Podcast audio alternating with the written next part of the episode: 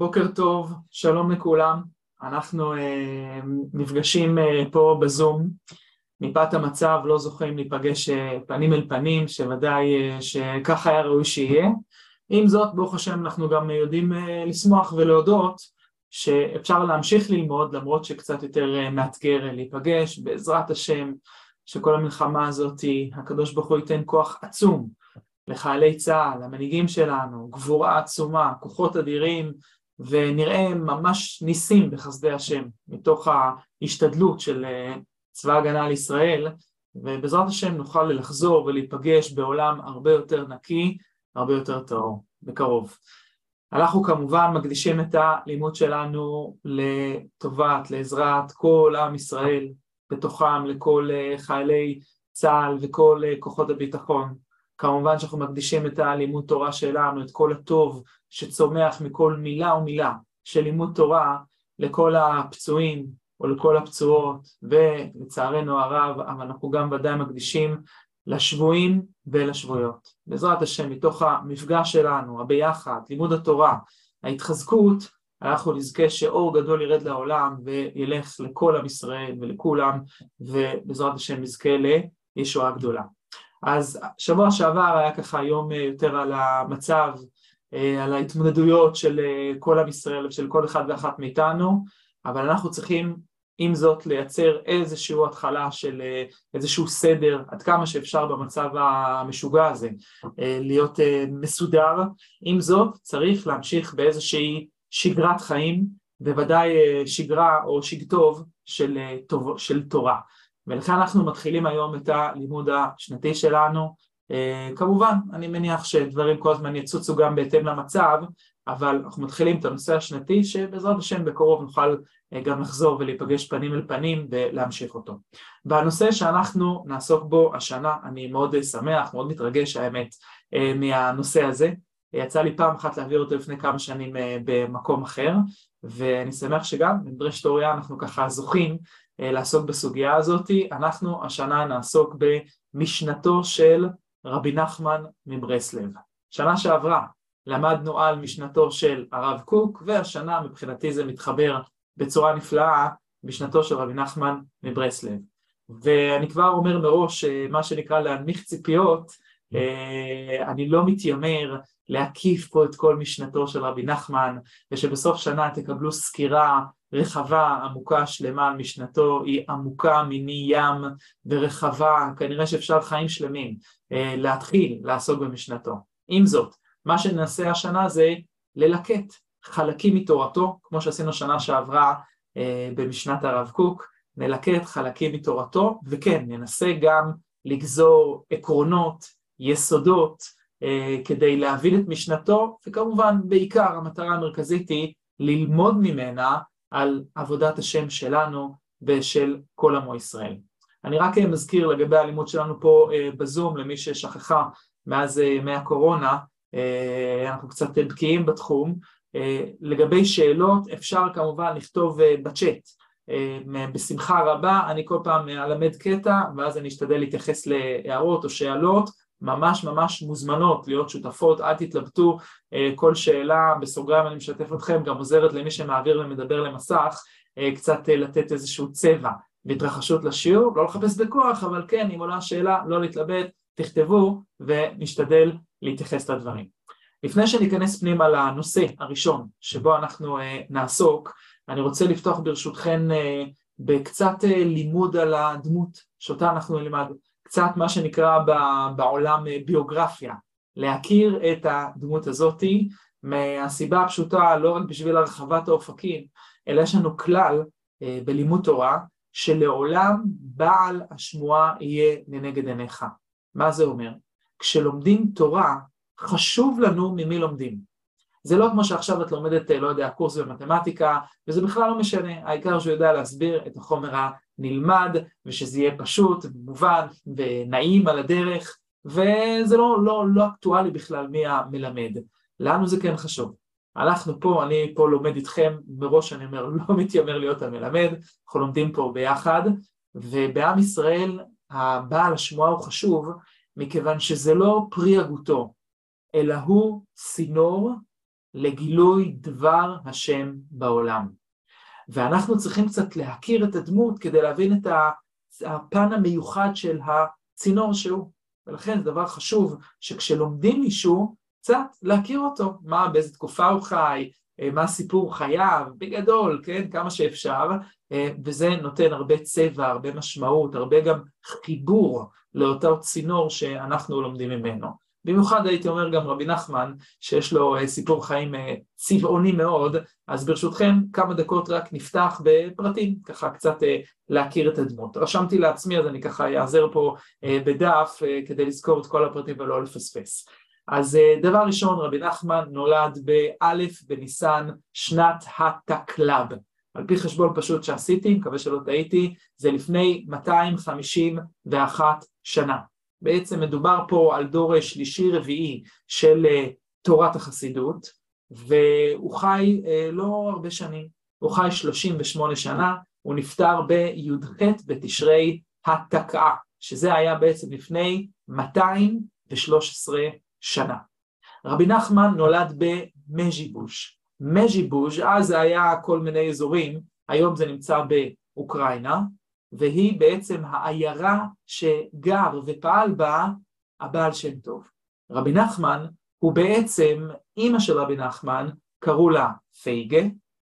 פייגה הייתה ביתו, ביתה של אדל, שהיא הייתה ביתו של הבעל שם טוב. בקיצור, רבי נחמן הוא נין דרך הבנות של הבעל שם טוב הקדוש, והוא ממש גדל בביתו במז'יבוז', הוא לא ראה את uh, הסבא רבא שלו, uh, אם אני לא טועה, זה יותר כבר מאוחר, אבל ודאי זה היה בבית, uh, סבתא של רבי נחמן הייתה אדל, בת הבעל שם טוב, שהייתה מפורסמת וידועה כצדיקה מאוד מאוד מאוד אה, גדולה, בעלת רוח הקודש, ככה נוהגים לומר בחסידות, אה, הבעל שם טוב קרא לה אדל, אומרים שזה ראשי תיבות אש דת למו, ממש יש איזה הרבה סיפורים עליה, סוג של אה, אדמו"רית כזאת, הייתה הסבתא שלו, ואימא שלו שוב הייתה פייגה, שהיא בעצם הנכדה של הבעל שם טוב. אבא של רבי נחמן קראו לו רבי שמחה, והוא היה בנו של רבי נחמן מאורדונקה, שהוא היה תלמידו של הבעל שם טוב. הבעל שם טוב, אחד מגדולי תלמידיו, הוא קבור דרך אגב בטבריה, בארץ ישראל, הוא עלה לארץ, והוא בעצם, אה, הבעל שם טוב חיתן את אחד מגדולי תלמידיו עם ביתו, בסדר? אה, ביתו אה, אדל, ומהזיווג הזה הנכד שנולד הוא הבעל שם טוב. סליחה, רבי נחמן מברסלב. עכשיו, אין לנו, אנחנו לא יודעים, לרבי נחמן לא היה רב מובהק, שאת יכולה להגיד, זה היה הרבה שלו. אין לו רב מובהק, אנחנו רק יודעים שהוא מביא תורות לעיתים מסבו, רבי נחמן מאורדונקה, וכן אנחנו יודעים שהוא הושפע באופן משמעותי משני הדודים שלו. שני הדודים שלו שהיו אה, גם הם אה, בניו, אה, הבנים של אדל, בת הבעל שם טוב, ושני דודיו מגדולי החסידות, הראשון היה רבי אפרים מסדיליקוב, שזה בעל הספר דגל מחנה אפרים, ספר מרכזי אה, בחסידות, שיש שם הרבה תורות גם מהבעל שם טוב, ודודו השני היה רבי ברוך ממז'יבוש, שניהם היו ממש אה, אה, דור, אפשר לומר, שני, שלישי לתורת החסידות, ודמויות מרכזיות, חשובות מאוד, והוא ממש גדל מה שנקרא על ברכיהם. בסדר? אז זה ככה פחות או יותר המיקום שלו, שנות חייו ואיפה הוא גדל. בשנת 1790, שזה מדובר על אה, גיל 18, אה, אה, עדיין בחור צעיר, הוא כבר החל לנהוג ברמה מסוימת באדמו"רות, כבר הסתובבו סביבו חסידים, והוא היה לו כבר בתחילת הדרך, היו הרבה מחלוקות עליו. אני כבר אומר, אתם ודאי מכירות את זה, דמותו של רבי נחמן היא דמות לא פשוטה לעיכול. יש לו אמירות מאוד נועזות, מאוד בוטות, הוא גם יצא הרבה כנגד חלקים בתורת החסידות, אה, בטענה שהם ניסדו את זה, וזה נהיה מאוד חצי, חיצוני, ואיבדו את הדרך, והיה עליו המון המון מחלוקות, לא רק מתנגדים שחלקו על חסידים, בתוך החסידות הרבה חלקו על רבי נחמן. חסידות ברסלב הייתה חסידות קטנה מאוד, אה, אפשר לומר עד אמצע המאה העשרים, אה, בחמישים שנה האחרונות פחות או יותר יש איזו התעוררות עצומה של חסידות ברסלב, אבל בימיו וגם הרבה אחריו זה היה ממש אנשים ספורים שראו את עצמם תלמידים שלו וממשיכי דרכו. הרבה מחלוקות היו עליו. בשנת 1798 הוא החליט שהוא יוצא למסע לארץ ישראל, זה סיפור שלם, מי שרוצה תשלים את כל הפרטים, דברים מפ, מפ, מפעימים, להגיע אז לארץ ישראל זה היה איזה מסע, איזה יציאת מצרים שכזאת, והוא מספר את כל הסיפור, והוא באמת הגיע לארץ ישראל, הוא הגיע לחיפה, לטבריה, לצפת, למירון, בירושלים הוא לא היה, אבל הוא ממש היה בארץ ישראל, וכשהוא חזר הוא אמר שההגעה לארץ ישראל היא ממש נקודת מפנה בתורתו, הוא אמר תמחקו את מה שאמרתי, מעכשיו אני מתחיל לדבר, והוא אמר גם הרבה לפני, והוא אמר עד כדי כך, זה דברים מפורסמים, כל מקום שאני נוסע זה רק לארץ ישראל. ו... והוא אמר שמי שרוצה להיות יהודי אין דרך אחרת אלא על ידי ודאי קשר עמוק לארץ ישראל.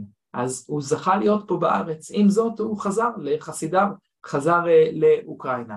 אמ, ב-1802 אה, הוא עבר לברסלב, שם הצטרפו אליו כבר אה, תלמידיו, שם הוא הקים את משפחתו, הוא התחתן בגיל יותר צעיר, היו לו שמונה ילדים.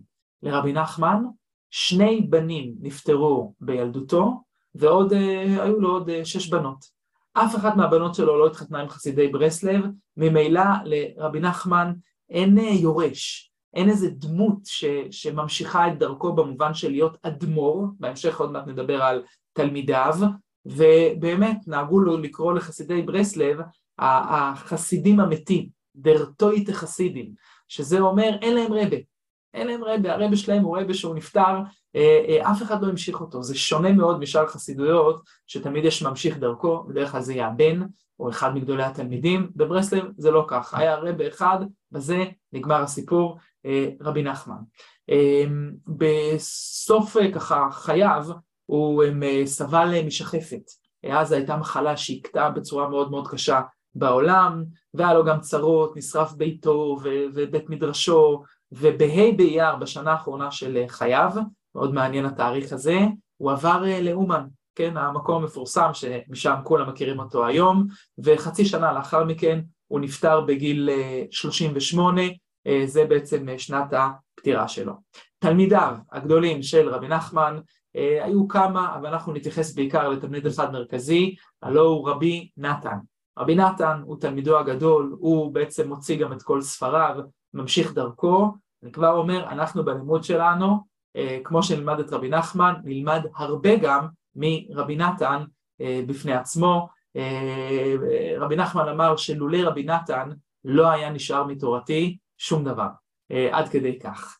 ספריו, לסיום, ופה נסיים את הביוגרפיה, מקווה שלא הרחתי יותר מדי, אבל ספריו מהמרכזיים, הספר הראשון זה ליקוטי מוהר"ן, ספר מרכזי, ממנו בעיקר נלמד, אה, שם מרוכזות התורות שלו, ששוב אסף אותם בעיקר אה, רבי נתן, יש מעט גם אה, דברים שהוא כתב, אבל לרוב זה דברים שרבי נתן שמע ממנו, יש את ספר המידות שהוא כתב, מין משפטים קצרים על מידות, על נקודות בעבודת השם, יש סיפורי מעשיות, שגם בזה נעזר, הם דברים מאוד מיוחדים ונפלאים, יש שיחות הר"ן, שזה יותר דיבורים יותר פשוטים שלו, ממליץ בחום למי שרוצה להתחיל ללמוד את תורתו, להתחיל דווקא משם, אה, דברים מתוקים, קצרים, יותר פשוטים, ביחס לספר לקוטי מוהר"ן, שהוא ספר מאוד קשה, מאוד עמוק, אה, יהיה לנו הרבה עבודה אה, בבירור מתורות מלקוטי מוהר"ן, ולאחר חייו גם פורסמו שבחי הר"ן וחיי מוהר"ן ולקוטי עצות, זהו ספריו. זהו, אז זה בגדול, ראינו את התקופה, ראינו תלמידיו, ראינו פחות או יותר את, את אורח חייו, ואני כבר אומר מראש, תורתו של רבי נחמן היא מה שנקרא לא קונבנציונלית. זה לא דברים רגילים, זה לא דברים פשוטים, לכן גם הרבה מחלוקות, הרבה קשיים יש לאנשים לעיתים עם תורתו. עם זאת, אנחנו כמובן, וזה יהיה התפקיד שלי, אה, לתווך לכם את אה, תורתו, את משנתו, להראות עד כמה היא אקטואלית בדורנו, כי אם בדורו היו חסידים ספורים שהלכו בדרכו, אז בדורנו היום, רק באומן, כידוע בראש השנה, מגיעים איזה 50, 60 אלף איש, מספרים אסטרונומיים, אחרי המלחמה אפילו, אה, מספרים כאלה, ויש היום המון המון חסידי ברסלב בארץ ישראל בכל מיני מדרגות, רובם דרך אגב חוזרים בתשובה, וממילא זה דורש מה שנקרא דורשני, מה, מה הסוד, מה הסיפור, וזה בעזרת השם מה שאנחנו ננסה לעשות בלימוד שלנו. בסדר? אם יש שאלות, אני שוב חוזר, אפשר לכתוב, השתדלתי לתת סקירה יחסית קצרה, שנכיר בגדול את דמותו, מי שרוצה להרחיב ולהעמיק, יש בלי סוף חומר אה, אה, על דמותו של רבי נחמן. אז אנחנו בשמחה רבה נתחיל, מקווה שאתם איתי תנו לי איזה אוקיי שאני אדע שאני חי, הרבה זמן לא העברתי ככה אה, בצורה הזאתי, ואנחנו מתחילים את הלימוד שלנו בשמחה רבה. כרגיל, אנחנו לא צריך ספרים לזה, כל פעם יהיו דפים, אנחנו גם לא נלמד שום ספר של, תודה, לא נלמד שום ספר של רבי נחמן על הסדר, אלא אנחנו נלמד נושאים, בסדר? זה כמו שמי שמי שהייתה איתה בשנה שעברה, למדנו אה, סוגיות מרכזיות בכתבי הרב קוק, כך, אה, אה, כך גם אה, השנה ברבי נחמן נלמד סוגיות מרכזיות, גם אני מאוד שמח לראותכם, ברוך השם שזוכים ללמוד, ושוב אני אומר שהכל יהיה, שלא יהיה איזשהו בלבול, כאילו אנחנו ממשיכים פה בכיף, ליבנו עם אה, חיילי צה"ל, עם עם ישראל, עם הפצועים, עם השבויים, אנחנו שם לגמרי, אבל אנחנו רוצים לעשות משהו. כי לשבת ורק לדאוג ו- ו- ולכאוב, זה פחות מועיל. מה שמועיל זה להתגייס, זה להתחזק, כל אחד בתחום שהוא יכול. מי שיכול להיות בשדה הקרב, השראה ומה טוב, חלקו, אבל לא פחות משדה הקרב בחזית, יש שדה קרב בעורף. ושדה הקרב בעורף מתחיל קודם כל בנפש של כל אחד ואחת מאיתנו, האם אני מתחזק, האם אני לא נותן לפחדים ולחששות ולחרדות ולעיתים לתסכולים אה, לנהל אותי, איך אני מתנהג עם בני ביתי, האם אני בנחת, האם אני מקרין עליהם רוגע ושלווה וביטחון, זו עבודה מאוד מאוד גדולה, אני אומר את זה בעיקר לנשים, בטח לאימהות, אה, להקרין על הסביבה, יהיה בסדר, אנחנו מלאי אמונה, מלאי ביטחון, וכמובן בתורה, בתפילה, במעשים טובים, יש אין ספור אפשרויות למעשים טובים בימים הכואבים, הנוראים הללו, שאנחנו נמצאים בקרבם, אה, בלי סוף אנשים, לחזק אותם ולנחם אותם, וממילא אנחנו צריכים לגדול, להתחזק, להתעצם, למען חיילינו, למען כל עמו ישראל, ולדעת בצורה פשוטה, אנחנו ננצח ואנחנו נגדל מהאירוע הנורא והכואב הבלתי נתפס הזה, לא לתת לעצמנו גם יותר מדי לשהות שם, כי הלב לא יכול להכיל את מה שקרה, אי אפשר להכיל את זה, אם רק חושבים על זה יותר מדי, הלב מתפוצץ מכאב, לכן אנחנו בוכים, אנחנו שבורים, אבל אנחנו מלאי אמונה, מלאי התחזקות, ובעיקר עשייה, עשייה טובה בתורה, בתפילה, ריבוי של תפילה, מעשים טובים, הבית, המשפחה, השכנים, הסביבה, זו עבודתנו, כל אלה שלוחמים את מלחמת העורף, זה לא פחות חשוב, כן? הרבה אנשים אמרו לי את זה לאחרונה, שאמרו לי, אני שומע אותך בשיעורים קצת מתבכיין, שאתה כבר לא במילואים ושלא כבר נגמר הנשקים, אי אפשר לחלק, תפסיק להתבכיין, יש לכם עבודה לא פחות חשובה, אתם הלב שלנו, אתם הרוח שלנו, כל מי שבעורף, אה, גם נמצא במלחמה ואנחנו נתחזק ונתעצם ובעזרת השם נזכה לישועות גדולות. אז בואו נתחיל אחרי ההקדמה הארוכה הזאת, נתחיל את הלימוד שלנו היום. אה, אני אשתף את הדף שלנו, הנה הוא נמצא פה, מצוין, ונגדיל את זה, ואנחנו נתחיל משנת רבי נחמן ברסלב, דף ראשון, נושא ראשון, והנושא שאנחנו נלמד זה תורה אה, מ"ח, בליקוטי מוהר"ן טיניאנה, הספר ליקוטי מוהר"ן של רבי נחמן מתחלק לשני חלקים, כן, יש את החלק הראשון כמה ויש את טיניאנה, כלומר השני, וזה בחלק השני של ליקוטי מוהר"ן, וזה תורה מ"ח, כן, בברסלב נוהגים לקרוא לזה תורה מוח, המוח, אה, איך להסתכל על העולם, להסתכל בעיקר על עבודת השם, והנושא נקרא להיכנס בעבודת השם. אני כבר אומר, זה יחסית תורות תורה יחסית פשוטה, יחסית, ביחס לתורות אחרות מסובכות ומורכבות, עם זאת, כדרכנו, נשתדל להעמיק בדברים ולחבר אותם לחיים של כל אחד ואחת מאיתנו. אז בואו נתחיל בשמחה רבה, אה, נקרא כמה שורות ונתחיל להסביר אותם. אז כך הוא כותב, בסימן התאווה: כשאדם נכנס בעבודת השם, אזי הדרך שמראים לו התרחקות, ונדמה לו שמרחיקים אותו מלמעלה, ואין מניחין אותו כלל להיכנס לעבודת השם. ובאמת, כל ההתרחקות הוא רק כולו התקרבות. אומר רבי נחמן, כרגע נסביר את זה באופן הכי פשוט, שכשאדם נכנס להיות בעבודת השם, הוא חווה מהר מאוד התרחקות. נראה לו אפילו שמישהו מרחיק אותו בכוח מלמעלה, לא פחות ולא יותר, ולא נותנים לו להיכנס לעבודת השם. ובאמת אמרנו רבי נחמן, צריך לדעת, זה המוח שכל ההתרחקות הוא רק כולו התקרבות. תזכרו, זאת תהיה הסיסמה שלנו להיום וגם אני מניח בשיעור הבא נמשיך בזה, כל ההתרחקות היא רק כולה התקרבות. וצריך, ועוד מעט תחזור לזה, להעמיק בדברים, אבל עוד קצת נקרא, וצריך התחזקות גדול מאוד לבלי ליפול בדעתו, חס ושלום, כשרואה שעוברים כמה וכמה ימים ושנים שהוא מתייגע ביגיעות גדולות בשביל עבודות השם, ועדיין הוא רחוק מאוד ולא התחיל כלל לכנוס לשערי הקדושה. אני לא יודע מה איתכם, אבל כל פעם שאני קורא את זה, ועוברים כבר כמה ימים וכמה שנים, אני מרגיש ויודע שלא התחלתי כלל לכנוס לשערי הקדושה, רבי נחמן פה בא ושופך מים על נפש עייפה, ומחזק בצורה מעצימה, ומה אומר לי? תדע לך, כל ההתרחקות הזאת שאתה מרגיש, היא רק כולה התקרבות. כמובן שצריך להעמיק ולהסביר את זה, אבל כבר לשמוע דברים כאלה זה חידוש. זה לא דבר שמצינו יותר מדי כאלה שכותבים בטח לא בשפה כל כך אה, אה, פשוטה ומתוקה וברורה, וכמובן צריך להסביר את הדברים. אבל עוד קצת נקרא, ואז נחזור להעמיק בדברים. כי רואה עצמו האדם שהוא מלא עדיין אביות וגשמיות והרהורים ובלבולים גדולים, כל מי שמזדהה, וכל מה שהוא רוצה לעשות בעבודת השם, איזה דבר שבקדושה, אין מניחין אותו. ונדמה לו כאילו אין השם יתברך מסתכל עליו כלל, ואין רוצה כלל בעבודתו. למה? מחמת שהוא רואה שהוא צועק בכל פעם, הוא מתחנן, הוא מתנפל לפניו יתברך, שיעזרהו בעבודתו, ואף על פי כן, עדיין הוא רחוק מאוד. אז מה הוא מבין לעצמו אותו אדם?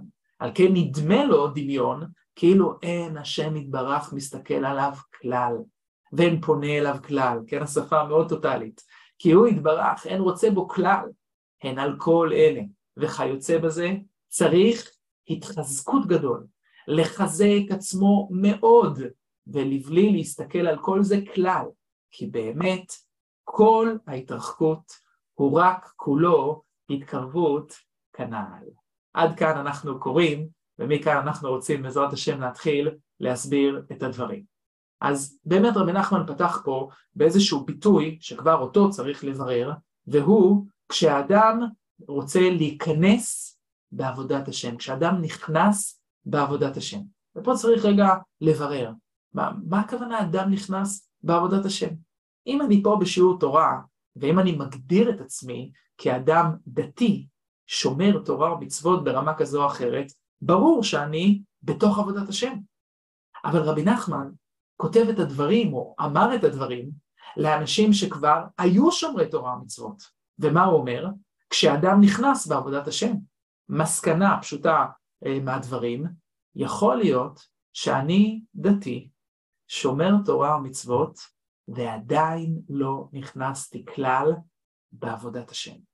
אני רוצה רגע להסביר מה זה אומר להיכנס בעבודת השם, כי אם אנחנו כבר ברבי נחמן, תרשו לי להיות יותר טוטאלי השנה, אחרי שנה עם הרב קוק, בנעימות והכול, נגיד דברים קצת יותר בוטים בשנה הזאתי, אבל נדמה לי שרוב אנשי התורה והמצוות הם קצת לא נכנסו בעבודת השם.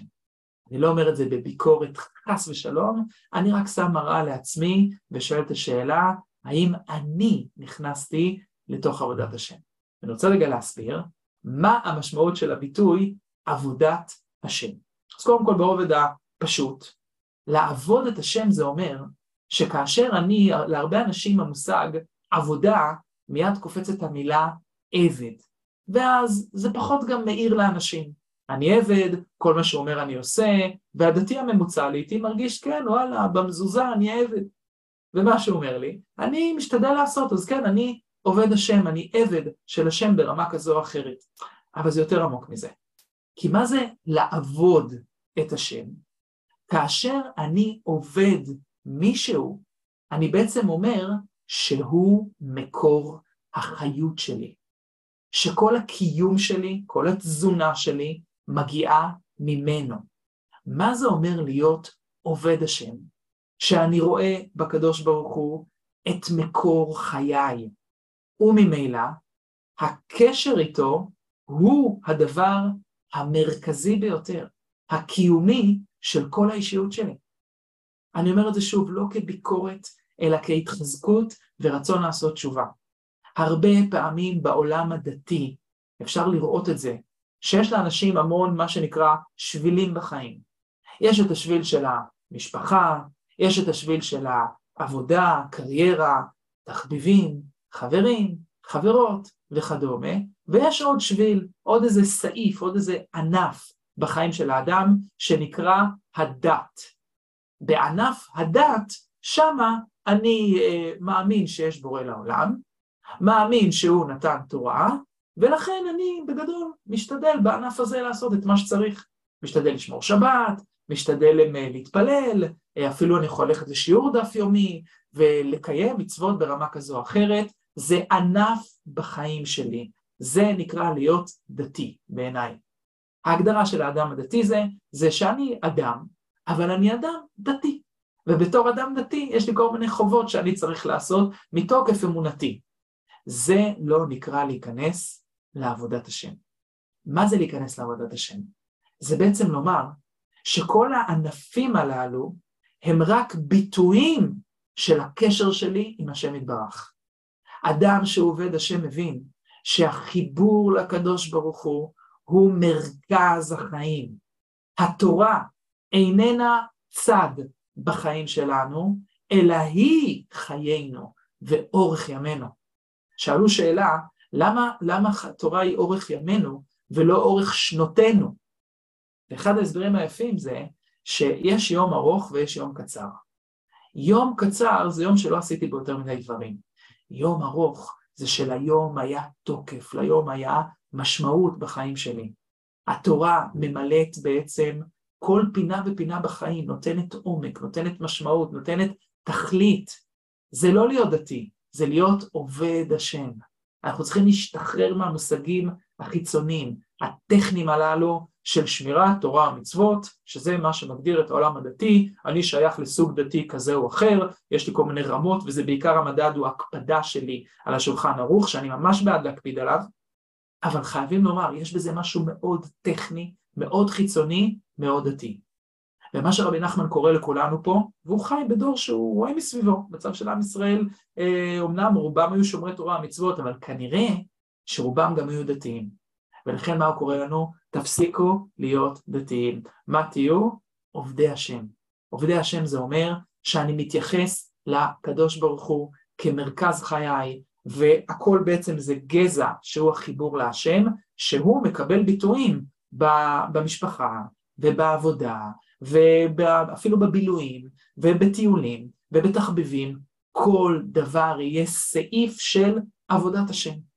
ואז עכשיו האדם זה הפך להיות מרכז חייו, או עכשיו אתה נכנסת לעבודת השם. זה הפירוש הראשון שלנו למה זה להיכנס לעבודת השם, בסדר? הסבר נוסף, שעוד קצת יחדד את הדברים, המושג עבודת השם, ורבי נחמן עצמו מסביר את זה במקום אחר, זה גם מוסבר אה, בצורה מאוד בהירה אצל בעל התניא, בסדר? הרבי הראשון מחב"ד, גם זה דרך אגב סוגיה, היחס בין חב"ד לברסלב, סוגיה מעניינת בדור שלנו, אה, רואים שזה סוגי נפשות בדרך כלל אה, נוטים להיות שונים, בדרך כלל, בכל אופן, אבל מסביר גם בעל התניא וגם רבי נחמן במקום אחר, שהמילה לעבוד את השם היא מלשון אורות אבודים. מה זה אומר? לעבד אור. מתי אנחנו צריכים בעיקר לעבד אור? בואו נאמר בהקשר הרוחני, אנחנו יודעים שכל ספר תורה מתחיל בעצם, מחילה, מפרה. מתחיל מבהמה, גסה, דקה, לא משנה, אה, משם מתחיל ספר תורה. ויש לנו פה את אותה בהמה ששוחטים אותה, ופושטים את אורה, אני אשתדל לא לפרט יותר מדי, שזה לא יעורר אה, רעב או משהו, ו... ואז את האור, כידוע, מעבירים אותו תהליך שלם. התהליך נקרא עיבוד אורות. להפוך בעצם ממשהו שנמצא על הפרה למשהו שצריך שוב לפשוט אותו ולנקות אותו, ותהליך שלם של עיבוד האורות, תהליך ארוך, משמעותי, זה עבודה שלמה, ואז בסוף מה קורה? מקבלים קלף, כן, בשמחת תורה, אה, שזה היה אחד האירועים שאף אחד מאיתנו לא ישכח את השמחת תורה הזה אה, בחיינו, אבל אה, הייתה הגבהה של ספר תורה והיה איזה כתם על הקלף. אז הבן שלי שאל אותי, תגיד, מה אבא, מה זה הכתם הזה? אמרתי לו, זה היה פרה פעם, נשאר אולי איזה סימן. אמר לי, די, נו, ברצינות. אמרתי לו, כן, לפחות אחד ההסברים, זה, זה לא תמיד יהיה נקי לחלוטין, לא יודע, אולי יש איזה עוד הסבר אה, טכני, אבל צריך לזכור את זה, אם זה, עזבו אם זה נכון, אם זה היה כתם או לא, אם זה היה על הפרה או לא, הנקודה היא, ספר תורה התחיל מבהמה, והוא עבר תהליך שעכשיו כתבו עליו את התורה, או תפילין, או מזוזות, ומה זה הפך להיות? זה הפך להיות קדוש לחלוטין, בסדר? זה הפך להיות משהו שלגמרי עכשיו אנחנו מתייחסים אליו כמשהו, הדבר אולי הכי קדוש בחיים שלנו, המזוזות, התפילין, ספרי התורה, כולם קמים ומחבקים ומנשקים, דבר ודאי עצום ביותר, ולעיתים אנשים שוכחים שזה התחיל מבהמה. עכשיו מה מסביר שם אה, אה, רבי נחמן ובעל התניא, מה הם מסבירים? מה זה עבודת השם? עבודת השם היא לזכור שכל אחד ואחת מאיתנו מתחיל גם מבהמה. כידוע, האישיות שלנו מתחלקת לשני שכבות, שני ממדים, מימד פנימי ומימד חיצוני. המימד החיצוני שלנו, מעבר לגוף שגם הוא אור, יש עוד מימד פנימי יותר שנקראת הנפש הבהמית, והיא בפרה ממש מתקשרים בצורה נפלאה. מה פרה רוצה לעשות כידוע? לרבוץ, ללעוס ולבהות. מכירים את החלק הזה? גם בנו יש מימד כזה, שנקרא הנפש הבהמית, שבעיקר מה שהוא רוצה זה לרבוץ, ללעוס ולבהות. אם יש איזה מסך מעניין, עוד יותר כיף. הנפש הבהמית היא חלק שנמצא בתוך האישיות שלנו, אבל הוא חלק חיצוני. מה זה אומר להיכנס לעבודת השם? להיכנס לעבודת השם זה להתחיל לעבד את הנפש הבהמית, בעין, לא באלף. מה זה לעבד? לזכך אותה, לתקן אותה, את המידות ואת המעשים, ממש להפוך את הנפש הבהמית למה? שתהיה ספר תורה. שהנשמה, שהנפש האלוקית תתגלה דרך הנפש הבהמית, שאותו אור גס מלא בתאוות ובעצלות ובעייפות ובכעסים למיניהם, הוא כל כך יזדכך עד שהנפש האלוקית תאיר מתוך דרך הנפש הבהמית. ולהיכנס לעבודת השם זה להיכנס לתהליך כזה כל החיים. זה שוב, להפסיק להיות דתי. הדתי ממוקד בעיקר בשמירת תורה המצוות, ושוב אני אומר, ברמה כזו או אחרת. עכשיו אני שוב חוזר, שלא יהיה שום בלבול בעולם. ודאי שראוי לחלוטין להקפיד על כל סעיף וסעיף בשולחן ערוך, אני רואה גם שנבהלו, אז מיד אמרו לי, ההקפדה על כל סעיף בשולחן ערוך נובעת מהרצון לחיבור לריבונו של עולם וכולי וכולי, ודאי, זה ההסבר העמוק האמיתי, אבל לצערנו, הרבה פעמים בעולם הדתי אנחנו רק מנסים לשמור על המצוות. ואז זה מראה שעשינו את עבודתנו, ברוך השם אני מקפיד על קלה כבחמורה, כל אחד במדרגתו. ומה שרבי נחמן פה בא להגיד לנו, וזה חוזר כל הזמן בתורתו, דרך אגב, זה חוזר כל הזמן בתורת החסידות, שמה זה בעצם בא לומר לנו? אל תהיו דתיים, תהיו עובדי השם. תבינו שיש פה תהליך פנימי של שינוי זהות מלהיות נפש בהמית לגלות את הנפש האלוקית דרך הנפש הבהמית. וזה נקרא להיות עובד השם. אדם שקם כל יום מחדש ואומר, אני רוצה לגלות את הנשמה שלי, אני רוצה לחיות את כל הקדושה, את כל הכוחות שיש בי, לגלות את כל העומק, את כל הגודל הזה, וזה בעצם נקרא להיכנס לעבודת השם. ואני אתן לזה גם ראיה, כתוב בגמרא, כמה טיפשים הם בני האדם, שהם קמים בפני ספר תורה ולא קמים בפני תלמידי חכמים. מה ההגדרה של תלמיד חכם אמיתי, לא חיצוני דתי, יש הרבה לעיתים יכול להיות תלמידי חכמים חיצוניים דתיים שיודעים את החומר. ההגדרה של תלמיד חכם אמיתי זה שהוא עצמו הפך להיות ספר תורה. ועל פי הגמרא הזאת יוצא שמדרגתו למעלה מספר תורה. כי ספר תורה זה קדושה ששורה על קלף של בהמה.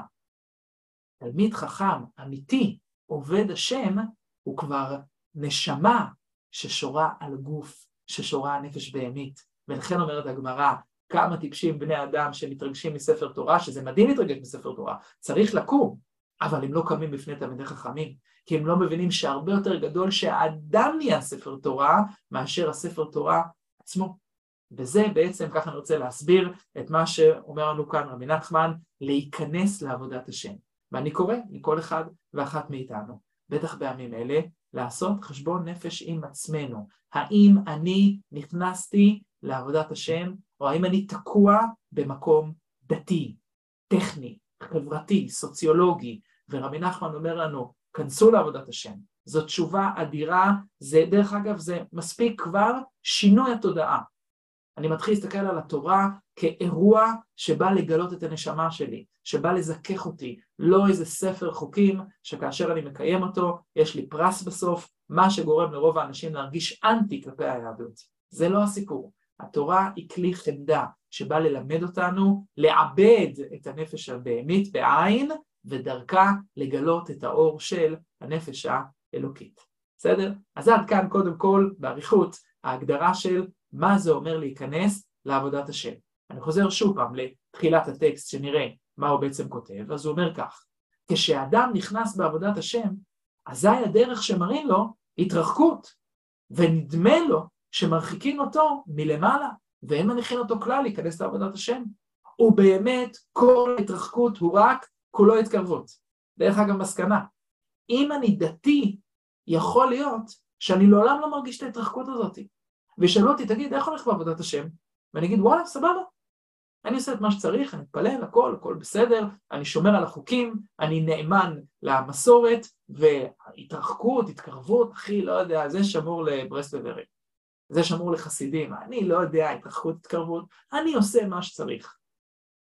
אומר לנו רבי נחמן, כאשר האדם נכנס לעבודת השם, אחד הדברים שהוא הולך לחוות זה התרחקות, זה הולך לקרות.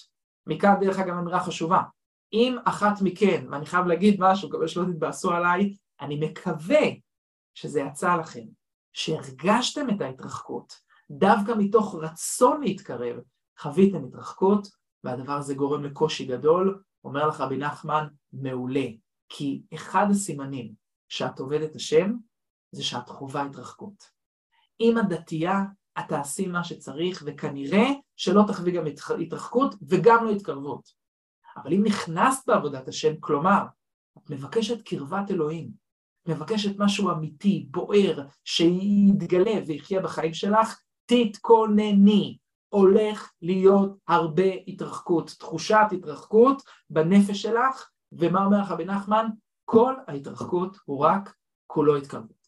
אני רוצה עכשיו להסביר למה בכלל מתחילה התרחקות, ויותר מזה, למה, למה ההתרחקות היא כולה בעצם התקרבות. ונסביר את זה דרך כמה משלים.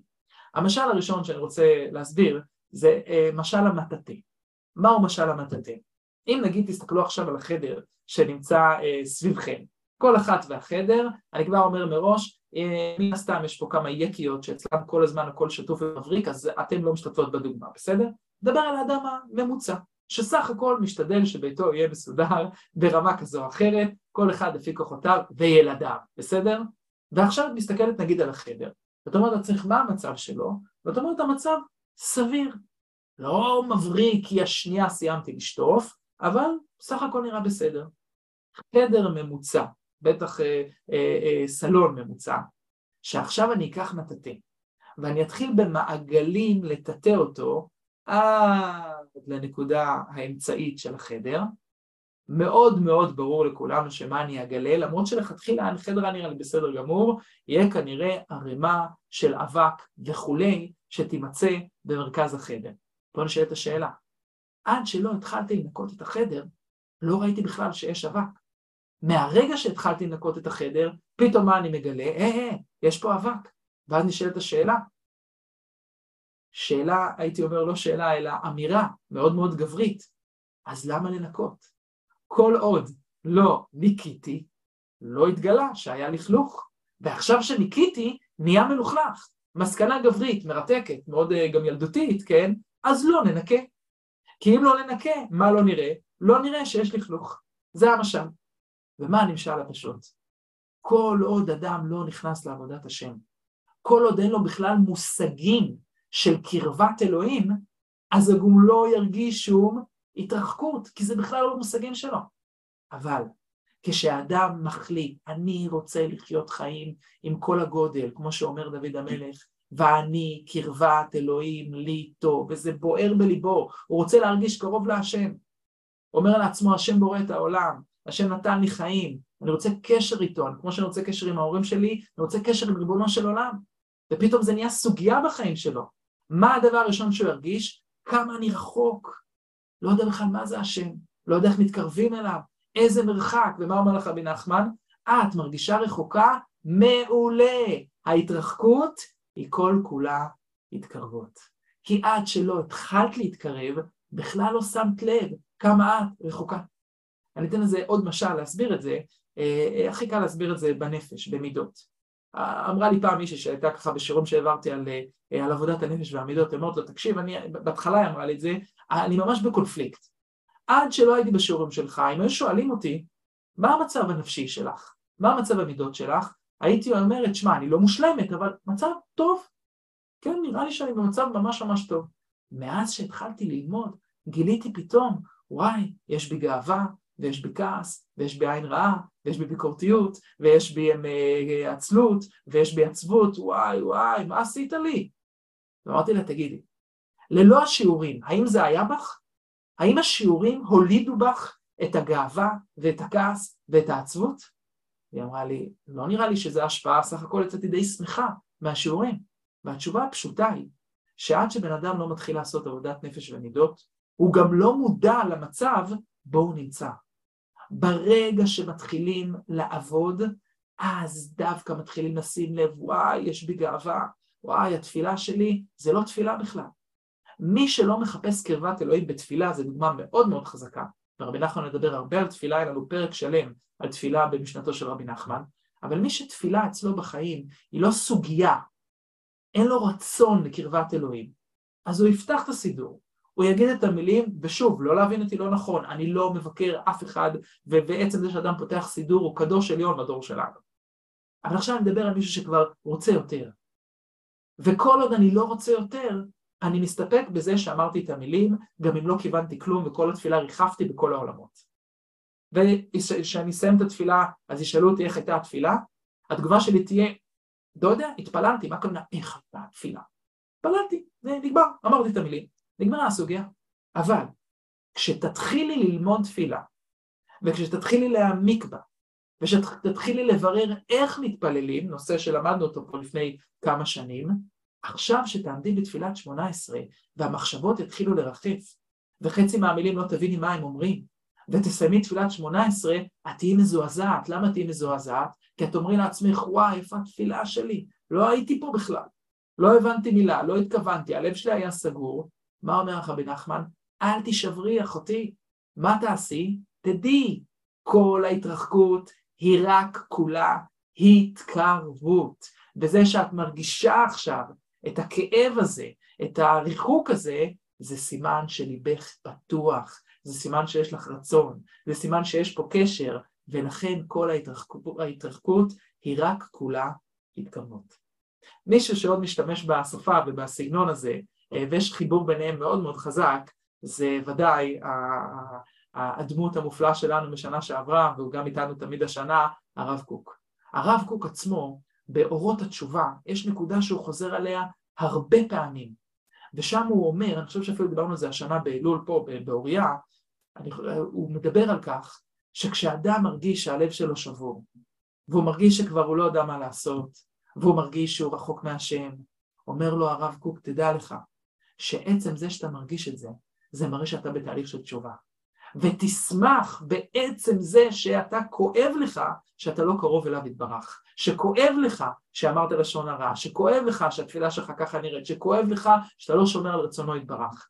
ועצם זה שאתה מרגיש ככה, אומר, אומר הרב קוק, תתחזק מזה דווקא. זה בדיוק מה שאומר פה רבי נחמן. יש חיבור גדול בתורתם, למרות שאם תחפשו את התלמידים של הרב קוק אל מול התלמידים של רבי נחמן, הרבה פעמים לא תמיד תראו את החיבור ביניהם, כשנכנסים לעומק ולמהות, רואים שהיהדות היא אחד, זה פשוט צדדים שונים של אותה נקודה בדיוק של הכל, ואנחנו נעשה מדי פעם אה, אה, השוואות כאלה, ודאי עם הרב קוק. עכשיו אני רוצה להראות לכם מי רבי נחמן עצמו, עוד יותר איך הוא אומר את זה בפירוש, את ההסבר הזה של ההתרחקות כולה התקרבות. אז אני יורד רגע פה למטה בדף שלנו למקור הבא, למרות שאנחנו עדיין בתחילת התורה, וזה מקור שנמצא בספר שיחות מוהר"ן, זה שיחות הר"ן, אות ע"ט, אני שוב חוזר, מי שרוצה לפגוש את רבי נחמן ככה בעצמה להתחיל ללמוד, אני ממליץ על שיחות הר"ן, הוא יחסית יותר פשוט, זה שיחות, זה לא התורות המורכבות של ליקוטי מוהר"ן, ושם יש דברים יותר יחסית פשוטים, מתוקים, ממליץ בחומרם, וככה, וככה הוא כותב. מה שכשאדם מתחיל להיכנס בעבודת השם ולהתקרב לצדיק האמת, אני כבר אומר בסוגריים, המושג צדיק וצדיק האמת, מושג שנצטרך לברר אותו. אבל אדם נכנס לעבודת השם, הנה הוא שוב פעם משתמש בביטוי הזה, ומתקרב לצדיק האמת, באים עליו הרהורים ובלבולים גדולים. הנה הוא אומר לנו, מראים לו התרחקות. הוא אומר להשם, אני רוצה להתקרב אליך, ומה הוא מרגיש שהקדוש ברוך הוא אומר לו? לך. איך הוא יודע שהוא אומר שהשם אומר לו לך? באים לו מחשבות בעייתיות, פתאום אין לו כוח, לעיתים זה אפילו אנשים מבחוץ עוצרים ומונעים אותו מעבודתו יתברך. אומר האדם לעצמו, מה השם, אתה מרחיק אותי. אני באתי להיכנס, ומה אני מרגיש? אתה דוחף אותי החוצה. אז נותן פה רבי נחמן עצמו משל מאוד יפה. זה כמו למשל כלי מים, שמתחילה נראה כאילו המים צלולים, ואחר כך כששופטים ומעמידים המים אצל האש, הוא מתחיל להתבשל, אזי מתבלבל המים, ומעלה הרתיחה כל הפסולת, מה שנקרא ביידיש הסכלה, שהיה במים, ועולה כל הפסולת למעלה. וצריך שיעמוד אחד להסיר חלאת ופסולת המים כל בכל פעם. ומתחילה נדמה כאילו המים צלולים לגמרי, ואחר כך נראה הפסולת שבמים העולה בכל פעם למעלה, ואזי כשמסירים בכל פעם חולת ופסולת המים, אזי אחר כך נשאר המים צלולים וזקים באמת כראוי. משל מדהים, דרך אגב רואים את זה גם בימינו. כשאת עכשיו באה להרתיח מים, אם זה בקומקום או בסיר, בהתחלה יחסית המים, במדינת ישראל פחות, אבל בערך, המים נראים צלולים, נראים נקיים. אבל אז, כשאת מרתיחה את המים, מה פתאום קורה? עולה למעלה אבנית או כל שאר מיני אוצרות שהסתבר שהיו בתוך המים.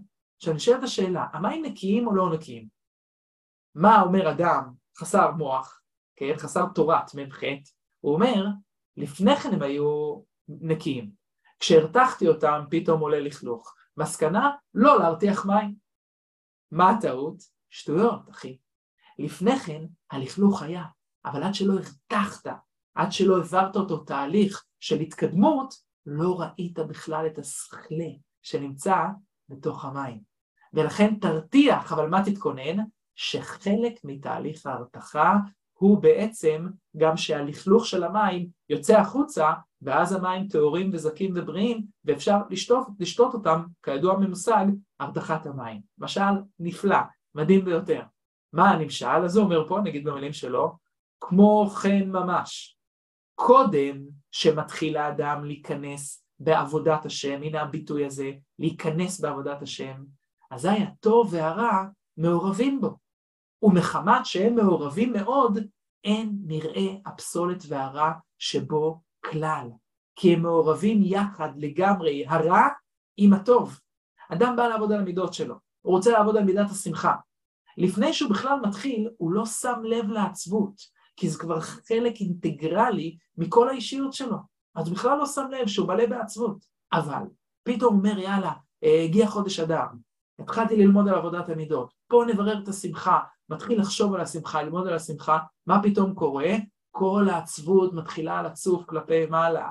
למה? כי סוף סוף התחלת לברר את העצבות, התחלת להילחם עם העצבות, התחלת להתמודד איתה, אבל עד שלא התחלת, היא הייתה שם, והיא עשתה עבודה נפלאה בלהציב אותך בדרך נסתר, בדרך שאת לא מבינה למה את לא מספיק שמחה ולמה החיים לא מספיק רצים, בסוגריים, נלמד על מידת השמחה ברבי נחמן, גם בעזרת השם באריכות יתרה, זה נושא מרכזי במשנתו.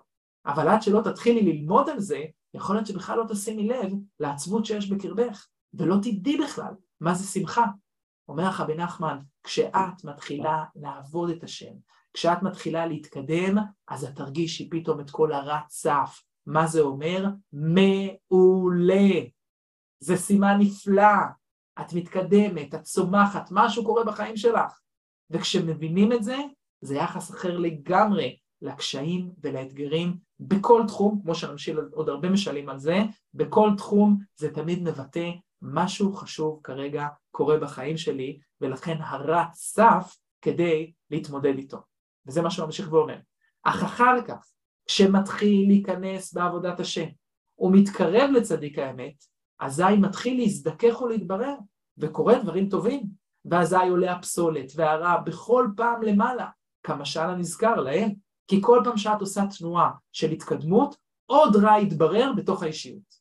עוד יותר תצמחי, עוד יותר תגדלי. כל עליית מדרגה קודמת לה איזשהו קושי, איזשהו כאב, איזושהי התמודדות גדולה מאוד. וצריך שיעמוד אחר אחד, שיסיר ממנו חולתו או פסול, פסול, פסולתו בכל פעם. ואזי יישאר אחר כך זך וצלול לגמרי, באמת כראוי. והוא מסיים ואומר, היה אפשר להוציא הפסולת והרפש מיד, מהאנשים שהיו בגשמיות מתחילה ונתקרבו להשם יתברך, לכאורה. בואו נמצא את הכל, נוציא את הכל, למה כל התהליך הזה? אך מה יהיה אם יהיה מוציא הרפש, יוציא הרפש עם המוח עצמו, מאחר שמעורב הכל יחד. על כן ההכרח להיות מתון עד שיזדכך מעט מעט. דברים מאוד מאוד חשובים. הרבה פעמים אנשים שנכנסים לעבודת השם רוצים מהר, חזק, עוצמתי, ברגע אחד להיות צדיק. בלי משברים, בלי נפילות, בלי התמודדויות. ומה לא מבינים? התהליך הזה הוא לטובתנו. כי כל פעם שאת עכשיו מתמודדת עם איזשהו קושי, עם איזושהי הסתרה, עם איזושהי מידה רעה שצפה, את בבית עכשיו, ילדים, מלחמה, לחץ, פתאום אחד הילדים עשה, התפוצצת לגמרי. צעקת, איבדת את זה. בטוח שלא קורה לכם? יש כאלה שקורה להם. אני. ואז פתאום האדם אומר לעצמו, מה יהיה איתי?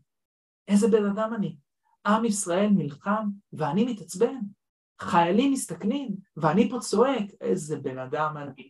חבל על הזמן, חשבתי שאני לומד מידות, חשבתי שאני מתקדם. בזמן מלחמה אני מסוגל לצעוק על הילדים הקדושים והטהורים שלי, איפה אהבת ישראל? איפה החיזוק? זה דברי היצר הרע. שבה הוא מנסה להגיד, זה לא שווה מה שאת עושה. תפסיקי, אל תעבדי על המידות, אל תיכנסי לעבודת השם, אל תנסי להתפלל, כי מה שקורה זה שכשאת כל כך רוצה, את לא מצליחה במיוחד, ואז את מתאכזבת ונשברת. זה יסוד גדול ועצום בכל החיים, דרך אגב בכל תחום, במיוחד בעולם הרוחני שלנו. כי מה את צריכה לדעת בצורה כל כך חשובה וכל כך יקרה? כשנכנסים בעבודת השם, יש תהליך שצריך לקרות. ואם בבת אחת תנסי להיות צדיקה, את תאבדי כוחות שמסתתרים בתוך הרוע. בתוך המידות הרעות מסתתר מוח, מסתתר חיים שלמים, ולכן השם בחסדו כל פעם מציף איזה בעיה, אנחנו צריכים לברר אותה ואז לעלות קומה. וכשיגיע הזמן שמיצית את הקומה, השם יציף לך עוד בעיה, ובתוך הבעיה מסתתר עוד נקודה של אור, עוד נקודה של קדושה, וכל האתגר הוא לא להתייאש. סיסמת מפתח שמדבר עליה הרבה בכתבי רבי נחמן מברסלב, במשנתו, בתורתו, אין ייאוש בעולם כלל. ודווקא כשרואים את הרע, זה כי מסתתר בו איזשהו טוב שצריך להתברר כחלק מתהליך עבודת השם. עכשיו, ככה לקראת סיום, אי אפשר שלא להתייחס בהקשר הזה למצב שכלל ישראל נמצא בו. עם ישראל כולו, כבר אנחנו ברוך השם קיימים מאז אברהם אבינו, עוד מעט נתחיל לקרוא עליו, כבר למעלה מ-3,500 שנה. יש את העם הזה. כמה תהליכים אנחנו עוברים? כמה תהליכים אנחנו עוברים כדי להתבנות ולהיות ממלכת כהנים וגוי קדוש. ואנחנו, בדור האחרון, מאה שנות ציונות כבר פלוס, רואים, ואנחנו רואים גם 75 שנות מדינת ישראל.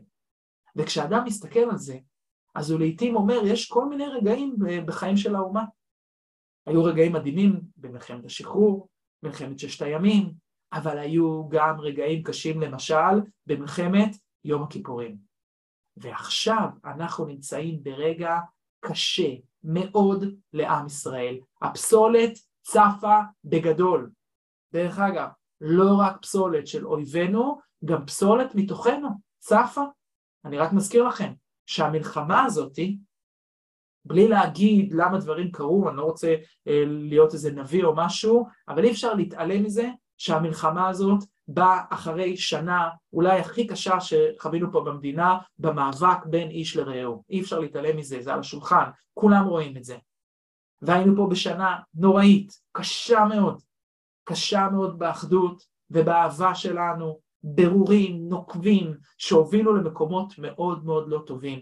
אי אפשר להתעלם מזה שהמלחמה באה מתוך הרגע הזה. אני לא פוסק כלום, שזה בגלל זה, אני לא יכול להיכנס לתוכניות של השם, גדול על כולם לעשות את החשבונות הללו. אבל לראות סיבה ותוצאה, אי אפשר שלא, אה, אה, אי אפשר לפספס את זה, מרוב שזה כל כך ברור.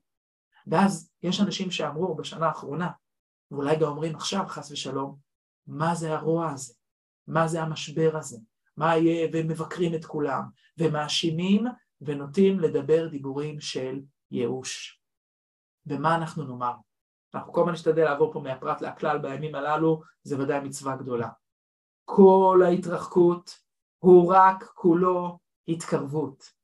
ומה שעם ישראל עובר כרגע, בשנה האחרונה, ובמלחמה הנוראית הזאת, שבעל כורחנו נקלנו לתוכה, זה התרחקות נוראית, זה כאב, ליבנו נשבר, גם ממה שהיה פה בשנה הזאת וגם ממה שקורה פה במלחמה הזאת, ורק התחלנו.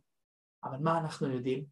אנחנו מלאי מלאי אמונה שכל מה שהקדוש ברוך הוא פה מברר זה ברורים קשים, כמו האדם הפרטי, שכשהוא מתקן את המידות שלו, אז הוא חווה פתאום קשיים מאוד מאוד גדולים, אבל זה סימן שהוא עובר תהליך, אותו דבר עם ישראל.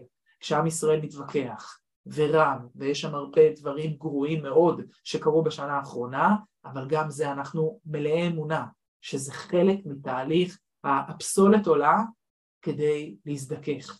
וכשהרשעים קמים עלינו, תחשבו על זה רגע באופן הגיוני, מה יצא לחמאס מהסיפור הזה? מה הם ניסו להשיג? קשה להבין, מה, מה הרווחתם?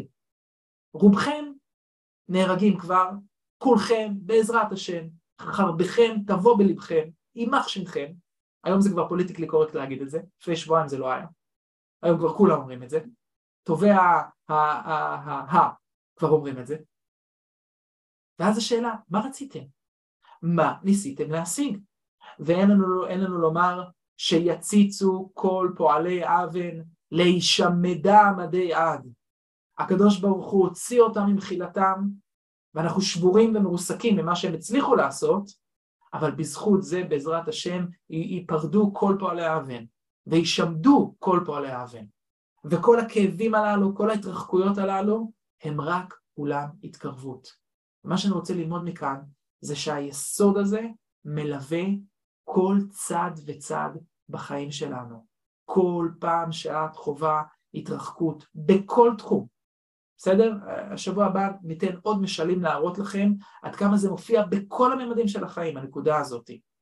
אבל נסכם ונאמר היום שכשאנחנו רואים התרחקות, במקום להתעצבן, במקום להתייאש, במקום להאשים או לתרץ, תפקידנו לחפש את ההתקרבות שנמצאת בעומק ההתרחקות, כי תמיד נמצאת שם, הרתיחה או הניקוי תמיד הולך לחשוף משהו מתוקן יותר אבל זה עובר דווקא דרך איזשהו ממד של רוע ושל כאב שלא פשוט להתמודד איתה.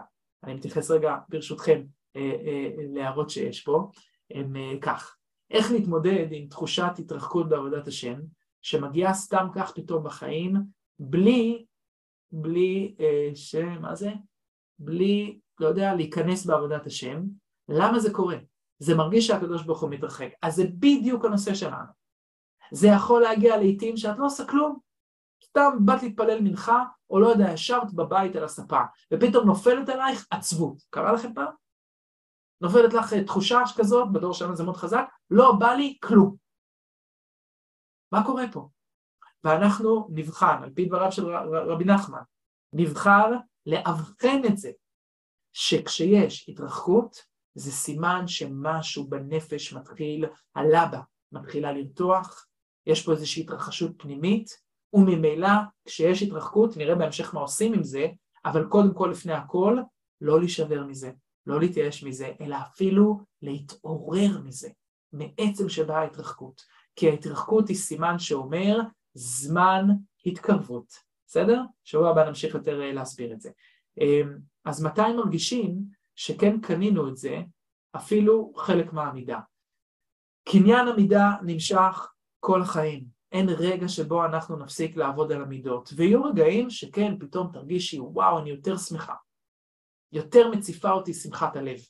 עם זאת, תתכונני, גם אם את מרגישה שמאוד התקדמת, יגיעו רגעים בחיים שהעצבות תתקוף. זה ככה, ככה זה עובד.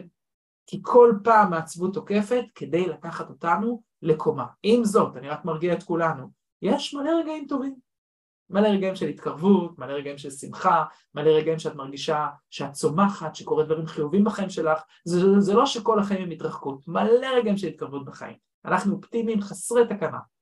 אבל כן, כשיגיעו רגעי ההתרחקות, גם כשאת כבר במדרגה מאוד גבוהה בעבודת השם שלך, תדעי לך, עכשיו השם רוצה ממך לעלות קומה. אז ההתרחקות באה לבטא איזושהי התקרבות שהולכת לקרות בעזרת השם בחיים שלך.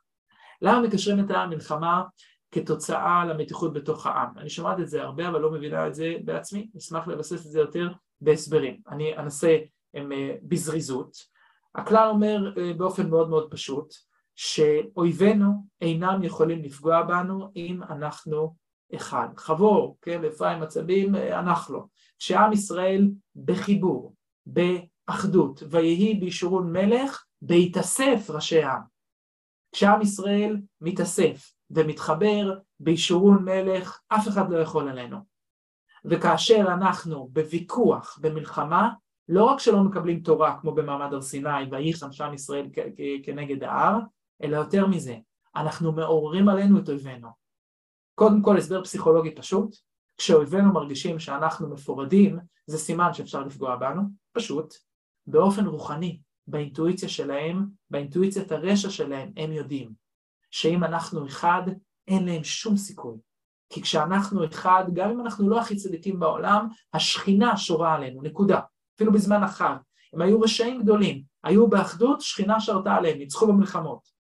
אבל אם אנחנו רבים באינטואיציית הרשע שלהם, הם מרגישים שאפשר לנצח אותנו. ובשנה האחרונה היה לא פשוט.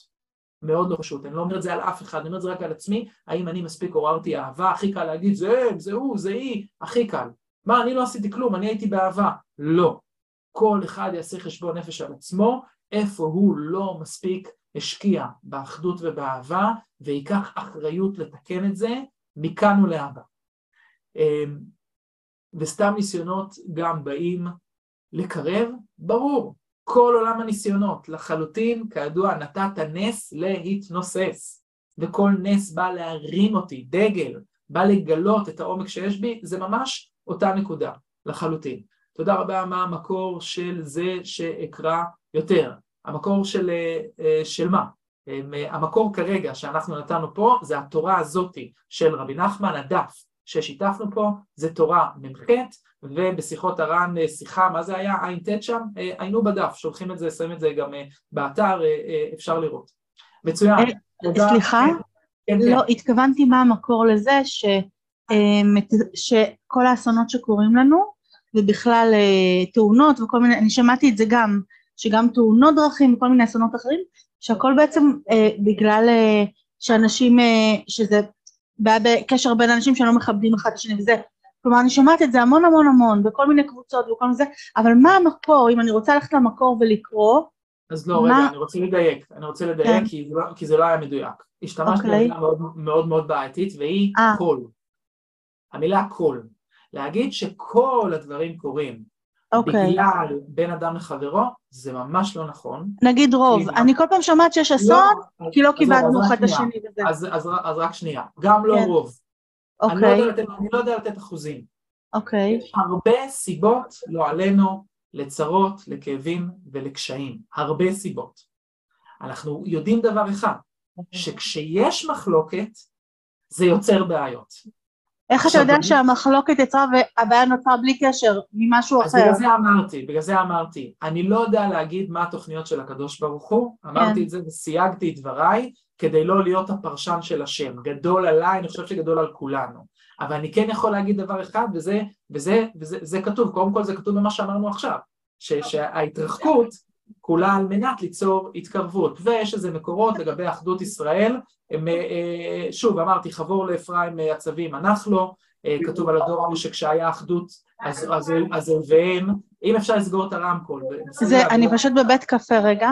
סגרי את הרמקול, שיהיה לחיים. ו, ואז, ואז בעצם שוב, זה, זה, זה מקור אחד, ושוב, מקור נוסף הוא שכל פעם שאנחנו רואים שיש אחדות, זה בלי סוף פסוקים, זה שפע, ברכה והצלחה. מסקנה, כשאין אחדות, זה סגירה של צינורות השפע, בסדר? זה, זה שני הצדדים של המטבע.